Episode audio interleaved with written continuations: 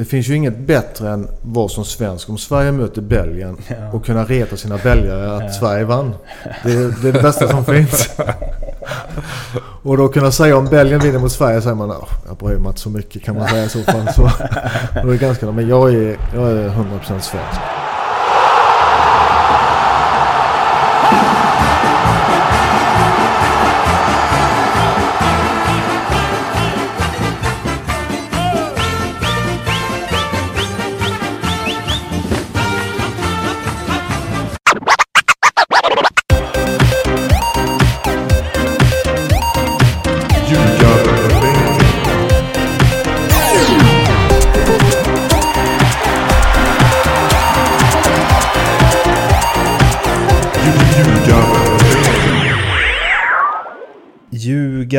Ljugarbänkens VM-podd är här igen. Vi är ju här varje dag under VM. Men idag är eh, vi här eh, lite mer än annars. Ett eh, speciellt avsnitt. Vi sitter i Falkenberg. Jag och Erik. Tycker ni att det är lite eko på ljudet, vilket jag hoppas att det inte är, så är det för att vi sitter i en väldigt öppen planlösning i Per Zetterbergs hus. Välkommen till Ljugarbänken. Tackar, tackar. Eh, och trevligt att vara här. Ja, trevligt att ha er här. Ja, du, är, du är en trogen lyssnare har jag förstått. Jag är det. Jag brukar köra... Det började för ett tag sedan. När man tränar så är det ganska svårt att få tiden att gå. Så tänkte jag att jag måste lyssna på podden. Mm. Jag började lära mig det för, för ett antal år sedan och eh, kom in på eran podd. Mm. Det var innan Erik kom med också. Du och Mattias körde. Du, du lyssnar lite mindre nu då? Lite mindre. Ja, jag, är, jag är en hängiven lyssnare faktiskt. Ja, ah, kul. Eh, vad, för alla lyssnare, vad gör du nu för tiden? Just nu gör jag ingenting. Eh, vi håller på och försöker starta upp en ny eh, friskola här i Falkenberg. Mm. Så det är det projektet jag håller på med. Okej. Jag och en annan. Ingen fotboll?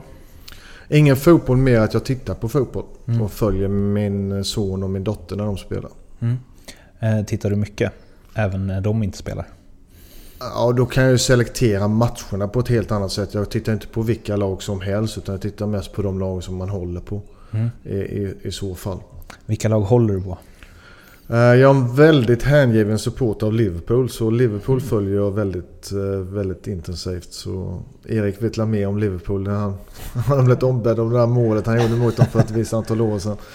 Men eh, de är jag väldigt hängiven av. Och när jag väl får chansen så åker jag över och tittar på dem också. Ja, det är så pass alltså? Ja, det, det har alltid varit mitt favoritlag sedan jag var liten. Alltså när Tipsextra började. De hade en match i veckan på, på lördagar Tipsextra. Så, så blev det Liverpool och min dröm har alltid varit att få komma till Anfield. Ja. Vad, vem fastnar du för då? På den tiden det fanns ju så många duktiga. Du hade Ken Douglas med Ian Rush. Du hade eh, Graham Souness. eh, Du hade...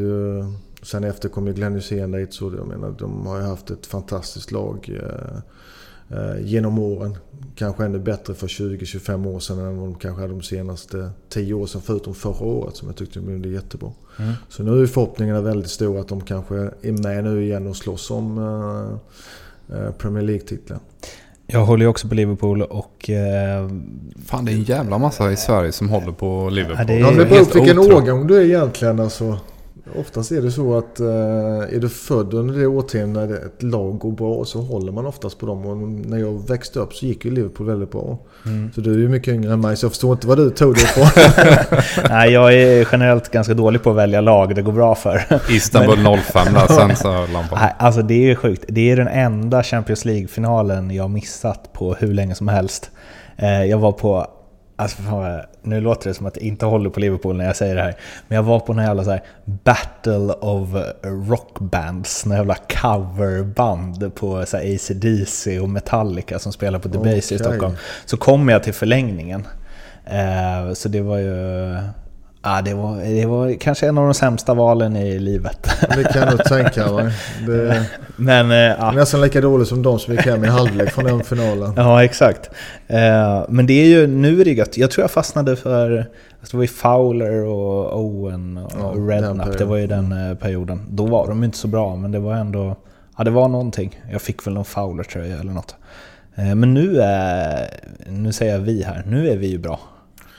Ja, det har kommit en ny energi i laget. Alltså du har ju både kvalitet spetsen nere och sen har du en tränare som manar på dem. Och, eh, sen, är ju, sen är ju Liverpool eh, väldigt speciell på, på sitt sätt. Och sen spelar de faktiskt väldigt underbar, rolig fotboll att titta på. Mhm. Alltså det är ingen dödgrävarfotboll utan det är attack i alla håll. Det kan ju lika väl bli 5-5 som, Mm. som, eh, som någonting annat. Så det, det är väldigt underhållande och eh, kan bara hoppas att de fortsätter så nästa år. Att de får behålla det stora delar av laget och kanske fylla på med lite bättre backar och så kanske en ny målvakt. Mm. Eller en konkurrent till, till Loris i alla fall. Jag är team honom. Han tog oss till finalen. Absolut. Alla kan slarva ibland. Absolut, det, det säger jag ingenting om. Utan det alla kan slarva. Men om du verkligen vill vinna en Ja. Premier League så måste du ha en bra målvakt som vinner poäng åt dig. Och Black eller något kanske. Ja, Jag tycker i och för sig att Liverpool har värvat bra målvakter. Som, eller de, de är ofta bra innan de kommer till Liverpool. Karius var väl liksom, eh, blev väl utsedd till Bundesligas bästa målvakt. Men eh, vi har förstört keeprar förr. Det här ska inte bli någon Liverpool-podd. Vi ska inte prata om mål som gjorts mot Liverpool eller något. Även om jag ser att du vill in där Erik. Utan vi ska ju prata VM. Hur mycket kollar du? Eh, ganska mycket får jag säga. Jag säger inte att jag har sett alla matcher men jag har sett en stor del av dem. Eh, Vad är ditt eh, generella intryck av VM so far? väldigt positiv. Mycket mål, öppen fotboll. Eh, ingen så stor skillnad mellan topplagen och de så kallade blåbärslagen. Alltså, den nivån har, har sänkts. Det finns ju vissa blåbärslag men inte så många som det fanns förr. Utan även de större nationerna har väldigt svårt med att slå de lite sämre nationerna. Och det har egentligen inte varit något land hittills som har spelat en sån här dödgrävarfotboll som inte har velat spela. Utan det har varit öppen, positiv fotboll. Kan det, för det där, jag lämnade ett eh, helt katastrofalt VM-tips nu med facit i hand. Jag trodde det skulle bli liksom 4-1 och 5-0 och hej och hå i många av de här matcherna. Eh, men det är ju någonting i att när Spanien till exempel kommer mot ett Iran så känns det som att Iran är mycket mer samspelta, de har ingen press på sig. Och även om de inte spelar dödgrävarfotboll så de är liksom så pass bra att de ändå kan försvara sig till poäng mot ett Spanien som... Då, spelarna är ju inte lika bra som de är när de spelar i City eller Barcelona eller så, känns det som. Nej men nu har det blivit, Erik lär bättre på, på försvarsdelen än vad jag är i alla fall. Men varje landslag som är med i ett VM kan försvara sig. Mm. Alltså det kvittar vilka du. Titta Island mot Argentina till exempel. Eller hur man plockar bort Kroatien och plockar bort Messi under en match. Man fick knappt se han. Så alla lagen kan försvara sig på rätt sätt. Så det gäller att hitta en lösning till det. Och det är det som har blivit det svåra egentligen för många lag. För att vilket land du än möter så kommer du ha problem. Tyskarna hade problem med svenskarna. Försvarade sig fantastiskt bra. Mm. Hade lite flyt i början av matchen Sverige. Men sen var det inga större problem tyckte jag. Så det, det är därför VM har blivit intressant. Nu får man ju se nu när vi går vidare mot åttondelsfinalen när de så kallade större nationerna möter varandra. Vad för sorts fotboll det kommer bli då. Erik, i det så finns det... Alltså, för man har pratat mycket om att, eh, och igår tjatade de mycket om det i eh, TV4-studio, att det har varit offensiv fotboll. Axén var uppe på att det skulle bli tre mål i snitt. Ehm, men det var ju ändå, var det nio matcher där ett tag efter... Alltså det var nio matcher som slutade 1-0, tror jag. Eller om det var, det var färre än två mål i alla fall. Uh, För att jag tycker också att jag har sett... Alltså, det, att det har varit ganska stor kontrast mellan matcherna. Antingen har det varit väldigt rolig fotboll eller så har det varit låst. Liksom. Ja, eh, alltså jag, jag tittar lite på de afrikanska lagen och även Iran då. Det känns ju som att uh, de har tagit in liksom folk med kompetens och fått ihop det. Just försvarsspel, ligga tight tillsammans. Eh, så länge de kan hålla nollan så blir det ju, ja så att säga lite låst så. Men, men kan favoriten göra 1-0 så Panama igår, nu är Panama alldeles för dåliga såklart va. Men gör man mål tidigt där då måste de framåt. Va? Så det, ja, så länge man håller, håller igen där som underdog så, så kan det mycket väl bli tight och jämnt. Och tänker också första matchen, första omgången. Det är alltid lite nerver också. Så att jag tror att det kanske öppnar upp sig ännu mer här och de får svårare och svårare. De lite mindre och då, klart då ryker de också kanske till ett slutspel. Sverige hittills. Var, var, och kanske inte bara det här VMet utan överlag det här landslaget som vi har nu under Jan Andersson. Vad är dina, din feeling för det?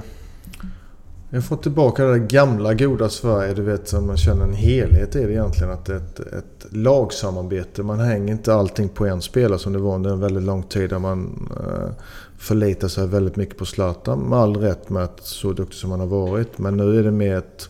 Känns som att det, man förlitar sig på lagets helhet. Alla kämpar till 100%. Det är kanske inte eh, alla dagar världens bästa fotboll, men den är effektiv. Eh, de gör det svårt för motståndarna.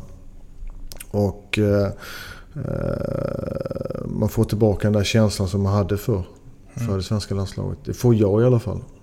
Vad tycker du om insatserna hittills i VM? Eh, Sydkorea-matchen tycker jag var lite si och sådär. Jag ska inte säga att det var världens bästa match. Det är bra att vinna den för de vet hur mycket som står på spel. De hade många bra chanser att kunna gjort mål på. Eh, klart godkänt tycker jag mot Tyskland hade de väldigt svårt första 20 minuterna. Där Tyskland satte hög press på dem. Men sen de, de klarade av att kontra en gång när Berg fick chansen och eh, man kan diskutera om det är straff eller inte. Sen efter det så märkte man att tyskarna blev lite skärrade. Att de började förstå att Sverige kan kontra på oss också. Då drog de ner lite på tempot och Sverige kunde försvara sig på ett bättre sätt och komma ut ur sina positioner på ett bättre sätt också och skapa sina små chanser. Så jag blev väldigt positivt överraskad efter prestationen på Sverige. Hur de gör. Jag menar, du möter någon Tyskland som är ändå rankat som världens bästa lag. De kanske inte har presterat på den biten, men eh, Sverige gjorde det fantastiskt bra gjort. Vi eh, har en, ja vi kallar väl det VM-enkät kanske, eh, mm. som eh, vi kör med alla gäster. Mm. Ehm, ditt första VM-minne, det är liksom första fragment av en VM-turnering på TV eller så, vad är det? 78. Vad är det? Fan, du är riktigt gammal Per alltså. Ja, jag vet. Jag är född 70 så... Nej, men jag kommer ihåg 78. Det var ju i eh, Argentina. Jag vet eh, Thomas Sjöberg gjorde, nickade in ett mål mot eh, Brasilien. Det är 1-1 i den matchen. Det, det kommer jag ihåg mitt första minne. Sen kommer jag ihåg alla målen som holländarna gjorde. De där långskotten här, är ju en tydlig åldersskillnad, för jag har aldrig ens... Jag vet inte vem Thomas Sjöberg är. Jag har aldrig hört namnet förut. var, var han bra eller? Eh, anfallare från Malmö FF. Okay. um, vilken, är, vilken är din VM... Eh, alltså så här, man har, jag har ju liksom 98 som jag kommer ihåg tydligast med Zidane och så. Då jag kommer ihåg att jag faktiskt såg flera matcher och fick en idol och så vidare. Vilken är din sån turnering? Jag har faktiskt olika... Självklart finns ju 86 med Maradona. Mm. Eh, när han dominerade totalt i VMet. Mm. Men det är egentligen jag kommer ihåg bäst, alltså som jag tycker var mest intressant, det var Brasiliens lag 82 i Spanien. Mm. Med Zico, Eder, Sokrates, Juninho, mm. eh, Junior eller vad de heter. Det var nog det bästa landslag som jag har sett i mina egna ögon. Mm. Det är ju faktiskt väldigt många som säger just det 82-gänget ja, där. Brassarnas det... 82-gäng. Mm. Och de vann aldrig. Du har även Holland 74. Så att mm. För att eh, liksom tryck, göra avtryck så behöver du fan inte alltid vinna. Men du behöver ha en positiv fotboll som Ja, men det var för. det de hade. De, de gjorde sådana annorlunda saker än vad du var van vid att se. Alltså de klackade, de sköt... Eh, Alltså du såg inte crosspassningar på det sättet på den tiden som, som de gjorde. De låg före sin tid på många saker. Sen förlorade de mot Italien i semifinal, tror det var 3-2. När Paolo Rossi gör en hattrick. Mm. Men i vilket fall som helst, det har satt sig i mina näthinnor, alltså det laget. Och det kommer jag fortfarande säga att det är det bästa lag som jag har sett i alla fall på, på TV. Hur mycket påverkade det din syn på så fotboll och hur du ville spela och så? Nej, det tror jag inte påverkar mig någonting eh, överhuvudtaget. Man, eh, jag tänker att man blir så att man bara wow, liksom, det kan se ut så här. Alltså, jag var ju 12 år. Ja, jo, jo, men så alltså, man vill ju göra som sina idoler. Liksom. Alltså... Ab ab absolut, eh, men min idol på den tiden var Tobbe Nilsson. Han spelade mm. Blåvitt. man, det... ja. Och han, han känns ju, utan att ha en aning nu, nu känner jag att jag är ute på vatten. ja, men, men, men, det känns som att han hade ju liksom, han hade passat in i det brasselaget. Alltså, jag vet, vet du inte vem Tove Nilsson är? Jo, jag vet vem det är, men jag har liksom inte, det är inte så att jag har plöjt match efter match med Tove Nilsson. Min pappa sett... håller på IFK Göteborg och han säger att Tove Nilsson är världens, världens genom tiderna bästa fotbollsspelare. Det var min stora idol när jag var liten, Tove Nilsson. Jag okay. höll ju också på Blåvitt när jag var yngre. Ja. Du, har du inga Blåvitt-känslor idag eller? Ja, jag tappade ju många av dem när man flyttade utomlands så tidigt som jag gjorde. Och då kunde man inte följa det på samma sätt och då tappar man lite. Och sen när man då kommer tillbaka hem så eh, var inte den gnistan kvar. Om, om det är något lag jag ska hålla på så håller jag ju säkert på dem. Men det är inte det att jag följer deras matcher på något sätt. Nej. Det inte. Vilka vinner VM? Den är inte lätt att, att svara på. Eh, efter man har sett nu början av, av, av mästerskapet så är det ju inget av egentligen storlagen på så sätt som har övertygat. Ehm, ehm, jag håller på, självklart Sverige om de skulle gå vidare men annars säger jag, för att vara lite outsider så säger jag Belgien. Vi återkommer dit. Eh, finns det någon spelare som liksom kanske inte är uppe i världstopp och och eh, en stor stjärna för den breda fotbollspubliken som du tror kommer slå igenom lite som ja, James Rodriguez gjorde 2014 till exempel? Nej, det, det, det, vet jag. Så, så, så bra är jag inte på namnen. Men jag tror faktiskt att alla vet ju vilken spelare detta är som jag kommer nämna. Alla pratar om Kevin De Bruyne i, i, i Holland. Eller i Belgien, förlåt. Eh, men han som jag tror kommer få sitt internationella genombrott på landslagsnivå tror jag faktiskt Eden Hazard kommer vara den här gången. Mm. Han har börjat väldigt bra i, i VM och kan han fortsätta med det så kan han få sitt internationella som jag sa i, i landslaget. För det har han inte riktigt fått ännu. Han har fått det i Chelsea, ja. Mm. Men inte i landslagssammanhang. Hur går Jag, jag får lite känslan när, när man ser Belgien att de nästan ger bollen till honom lite för ofta. Ja, det, det blir ju alltså...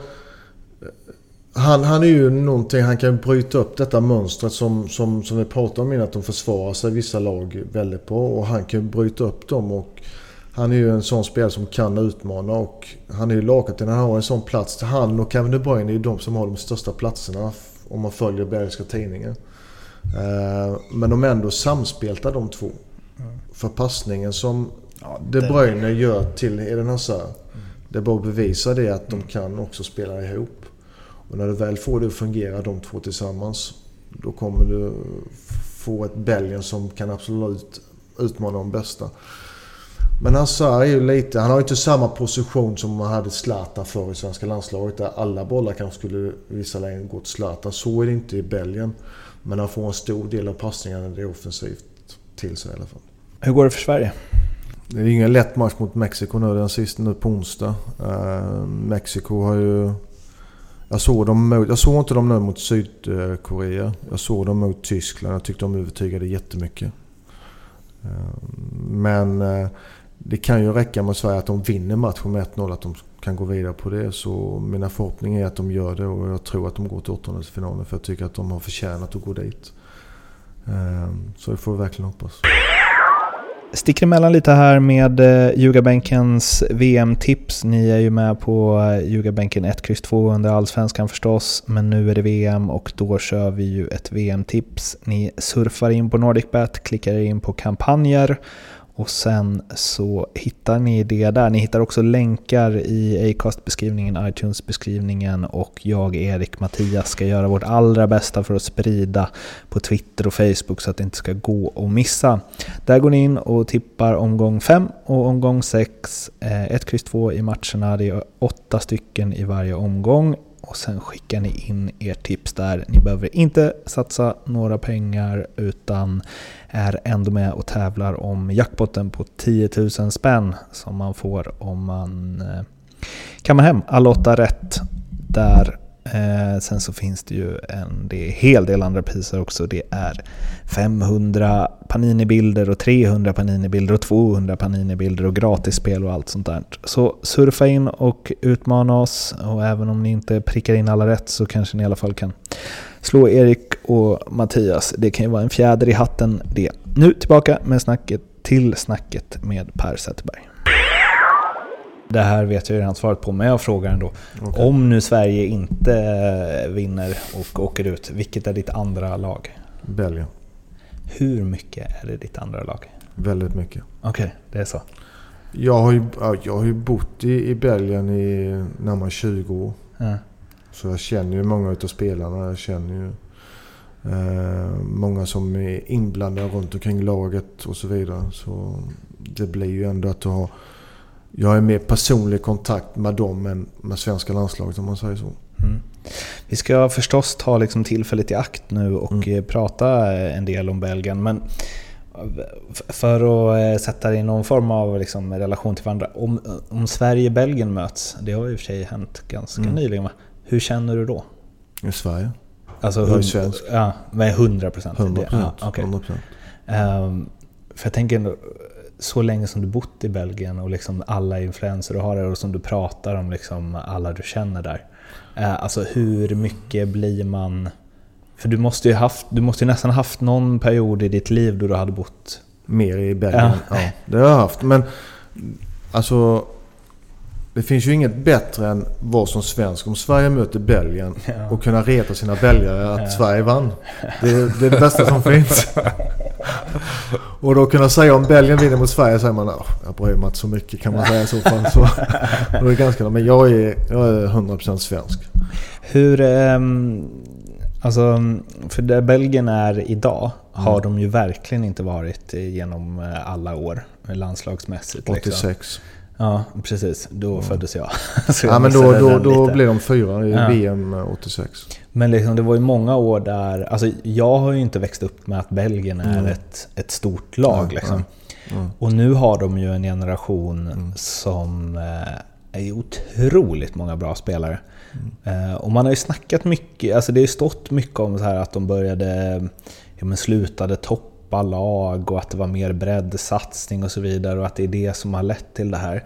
Men du som har varit där och liksom känner folk inom fotbollen där, vad, är din take på varför Belgien har fått fram så otroligt många världsstjärnor som de har fått? Det är ju ett land, är det lika många invånare som Sverige? Ja, ja. det är ungefär. Lite mer kanske, men det är, det är ingen stor skillnad. Men det, det de har gjort egentligen, det var lite det som vi pratade innan, innan vi var igång här med sändningen. Det var ju att, som jag sa, när jag kom till Belgien på slutet på 80-talet så var ju Anderlecht en av de åtta största klubbarna i, i världen, mm. eller i Europa.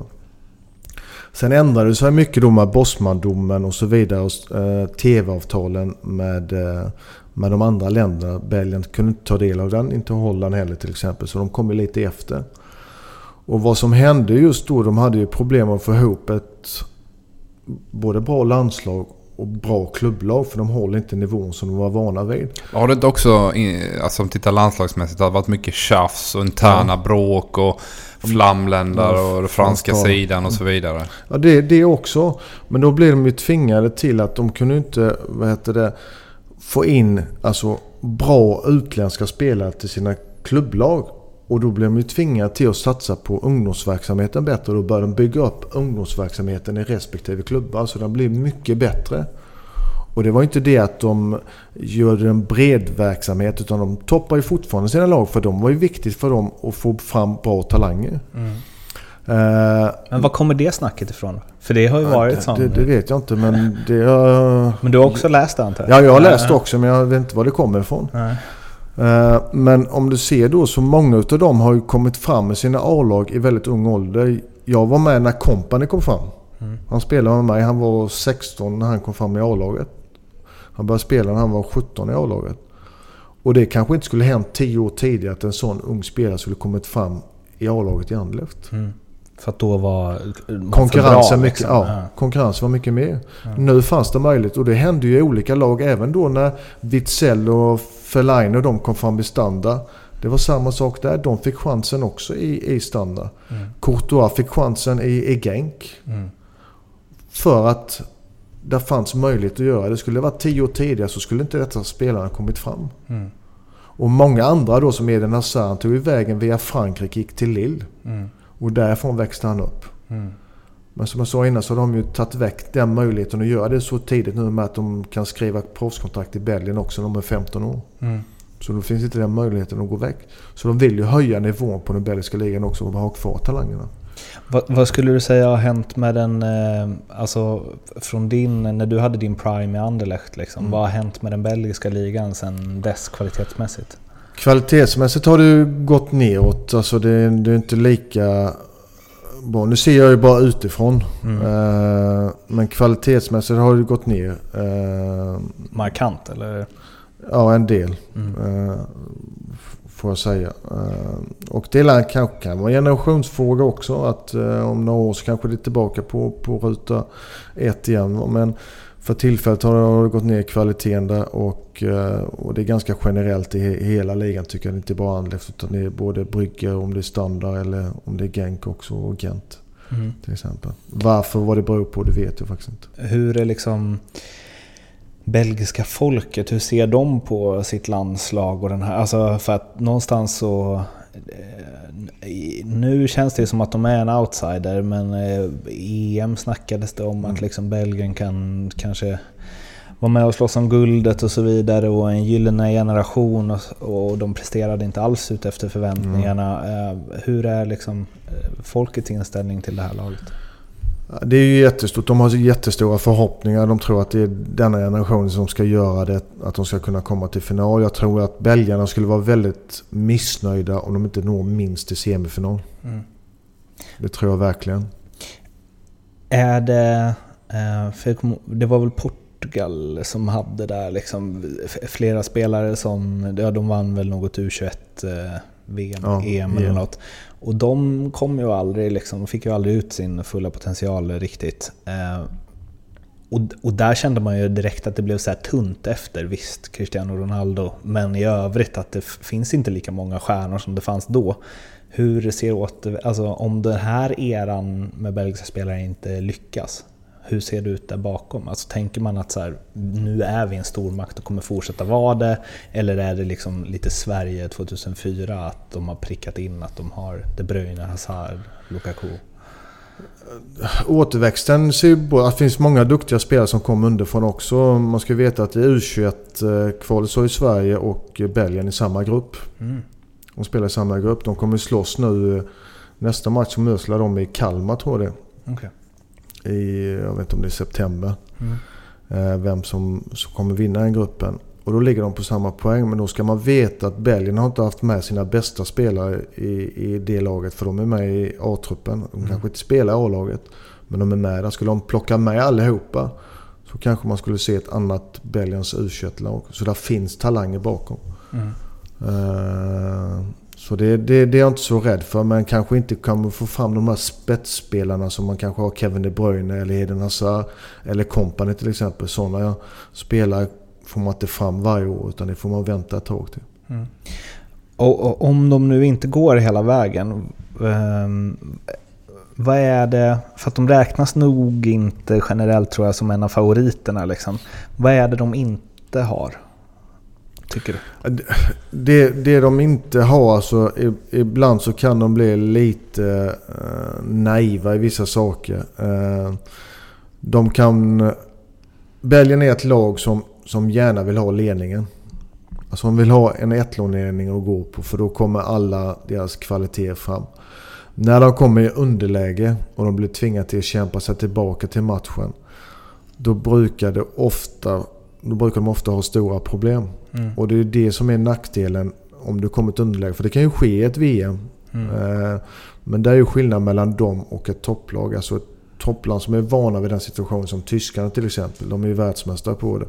Även om det går jättedåligt för dem om de ligger under så kan de hämta sig tillbaka. Belgien kanske inte har den möjligheten än så länge. Mm. Så jag får hoppas att de kan överbevisa mig att, att de klarar av det. det. För kan de det så kan de bli riktigt farliga.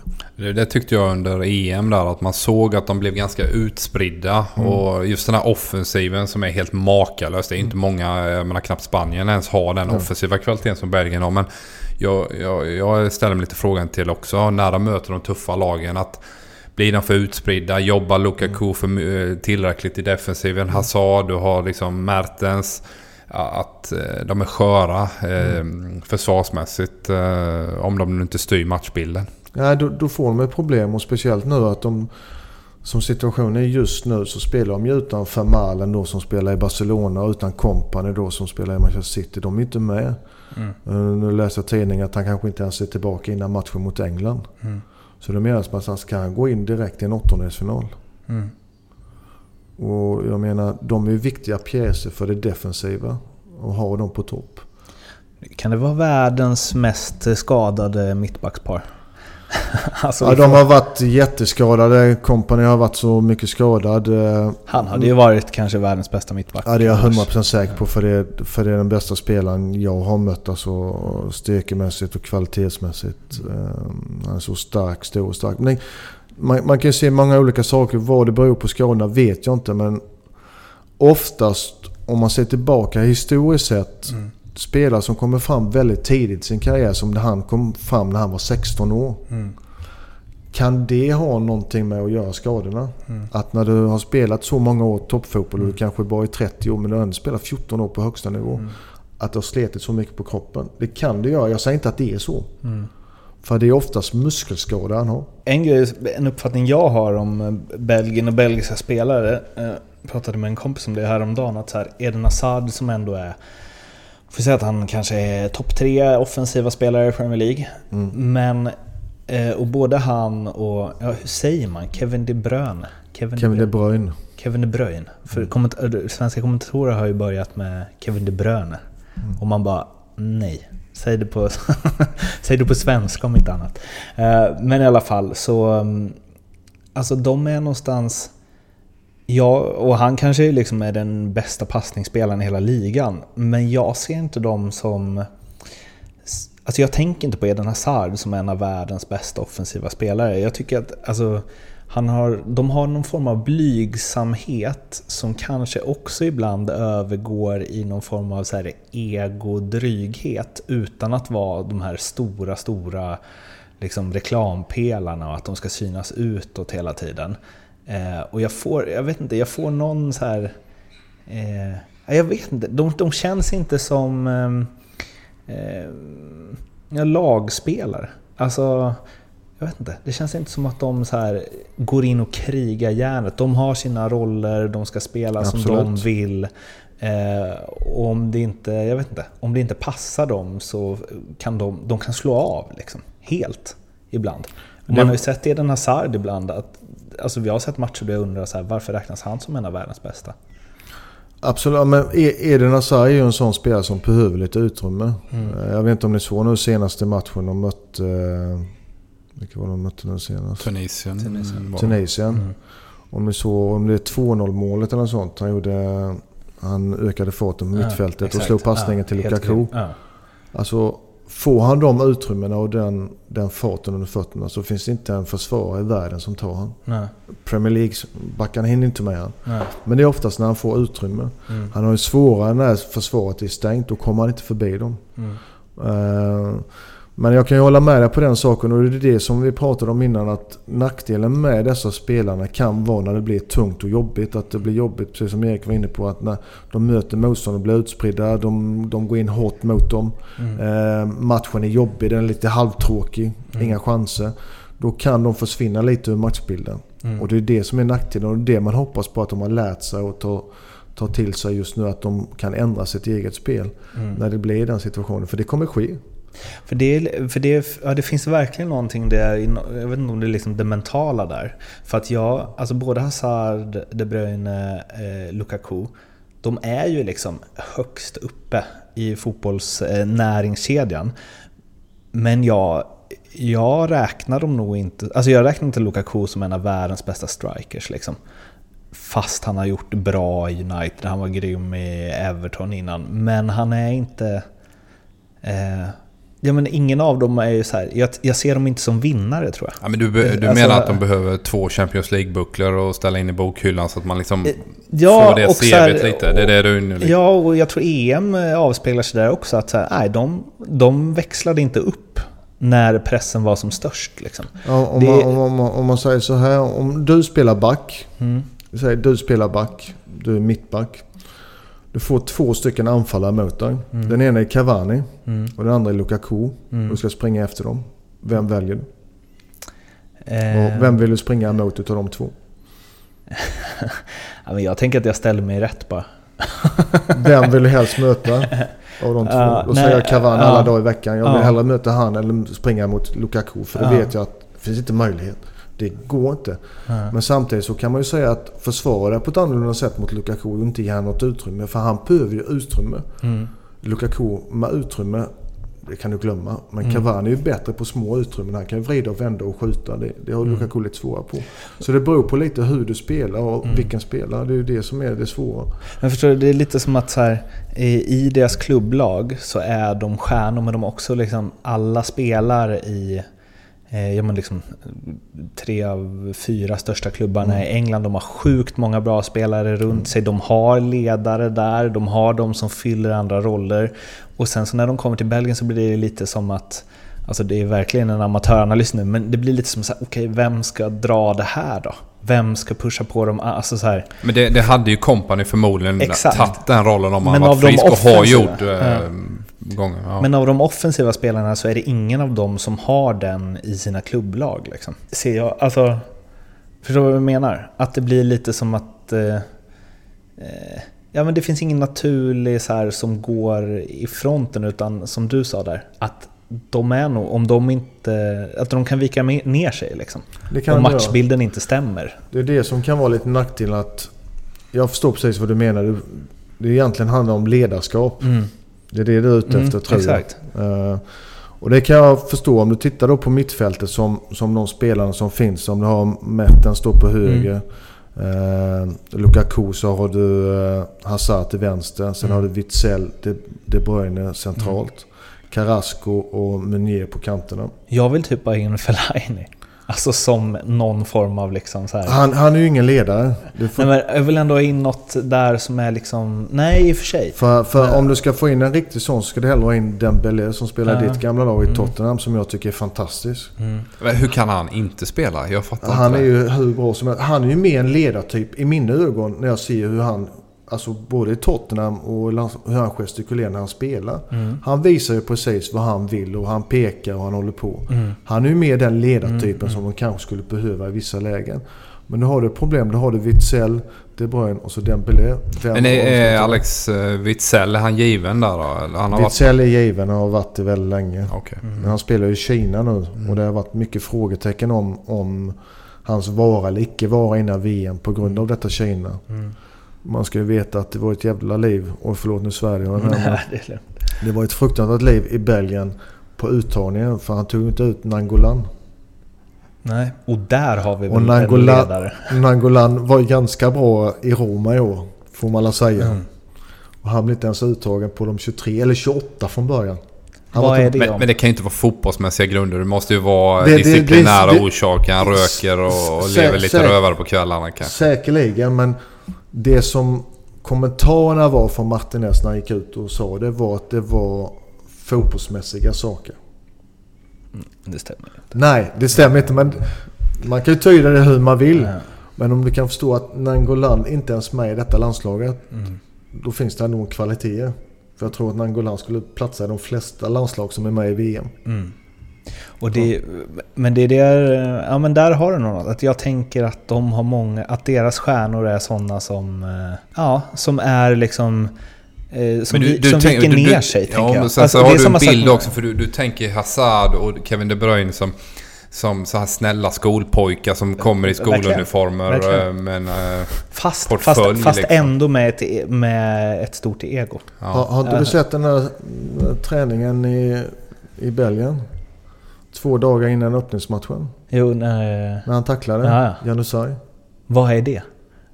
Alltså Det, det, är ingen, det, är- det är ingen skolpojke som tacklar något sånt.